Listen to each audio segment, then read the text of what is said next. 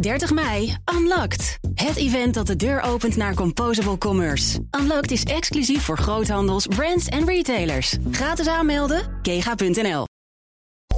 Crypto-update. Met Daniel Mol, redacteur van de Cryptocast. Deze week vervanger van Herbert Blankenstein. Daniel, goedemorgen. Goedemorgen, Meijnerd. Ja, iedereen die uh, wat uh, crypto heeft en op een beursje zit... die uh, zit de laatste dagen flink naar zijn telefoon te kijken, ongetwijfeld. Want bitcoin voor het eerst sinds lange tijd boven de 30.000 dollar. Waarom?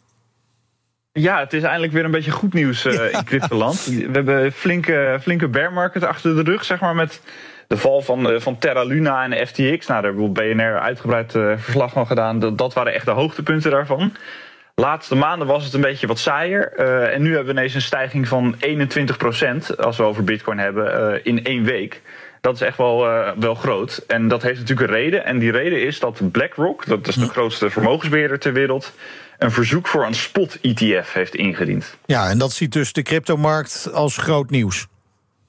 Ja, eigenlijk is iedereen het er wel mee eens dat dit echt uh, dat dit een grote stap is voor de, voor de Bitcoin-adoptie. Um, Zo'n ETF is dus een beleggingsproduct dat je vaker op de beurs ziet. Uh, vaak heb je dan een mandje aandelen die je in één keer kan kopen als een soort als een, als een, als een aandeel. Dat werkt heel makkelijk.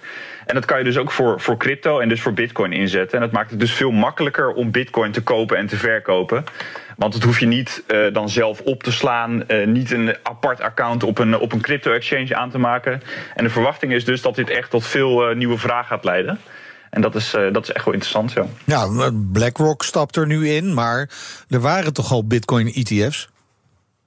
Ja, dat was in november 2021. achteraf was dat het hoogtepunt van de, van de hype. Uh, in Bitcoin de, de afgelopen paar ja. jaren uh, was in, in november 2021 werden er een hele hoop goedgekeurd. Het grote verschil alleen was dat dat futures ETF's waren en geen spot ETF's. Ah. Nou, dat verschil dat ga ik je uitleggen. Um, die beleggingsproducten, die futures namelijk, die zijn gebaseerd op Bitcoin derivaten. En dat zijn een soort papieren Bitcoin. En deze nieuwe ETF, uh, daar is ook, zijn ook in het verleden heel veel aanvragen voor geweest. Maar die nieuwe ETF die, uh, moet fysieke bitcoin kopen en verkopen. Waardoor, dat dus echt, waardoor je de vraag voor die ETF dus echt daadwerkelijk terug gaat zien in de prijs van bitcoin. Ja. En daar sorteert de markt dus nu op voor. Ja, precies. Het is voor sorteren. Dat doet de markt wel vaker natuurlijk. Want het gaat nog om ja. een verzoek van BlackRock hè, bij de toezichthouder SEC. Hebben ze inderdaad ook echt wel een kans van slagen? Ja, nou ja, de, de, gedachte is sowieso als BlackRock dit doet, dan zit het wel goed. Uh, die weten echt wel waar ze mee bezig zijn. Uh, ze hebben een vrij goed uh, track record. Ze hebben in de geschiedenis 576 van dit soort verzoeken gedaan.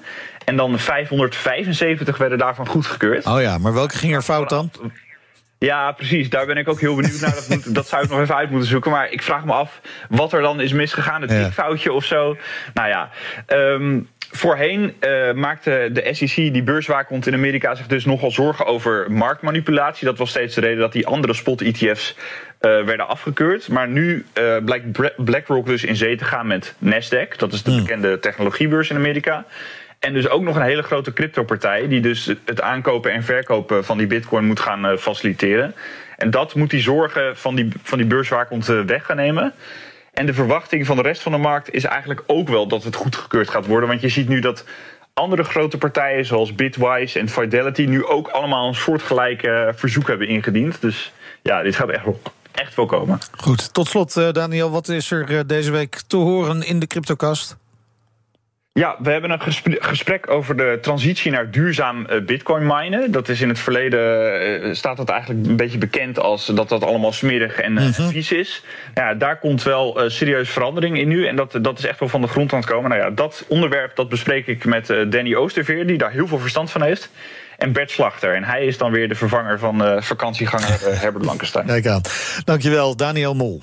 De crypto-update wordt mede mogelijk gemaakt door Bits de Bitcoin-spaardienst van Bitonic. Zeg ZZP'er, heb je nou nog geen arbeidsongeschiktheidsverzekering? Insafai heeft de AOV die wel betaalbaar is. In 15 minuten geregeld, 100% online. Krijg nu 20% korting in je eerste jaar via insafai.nl slash radio.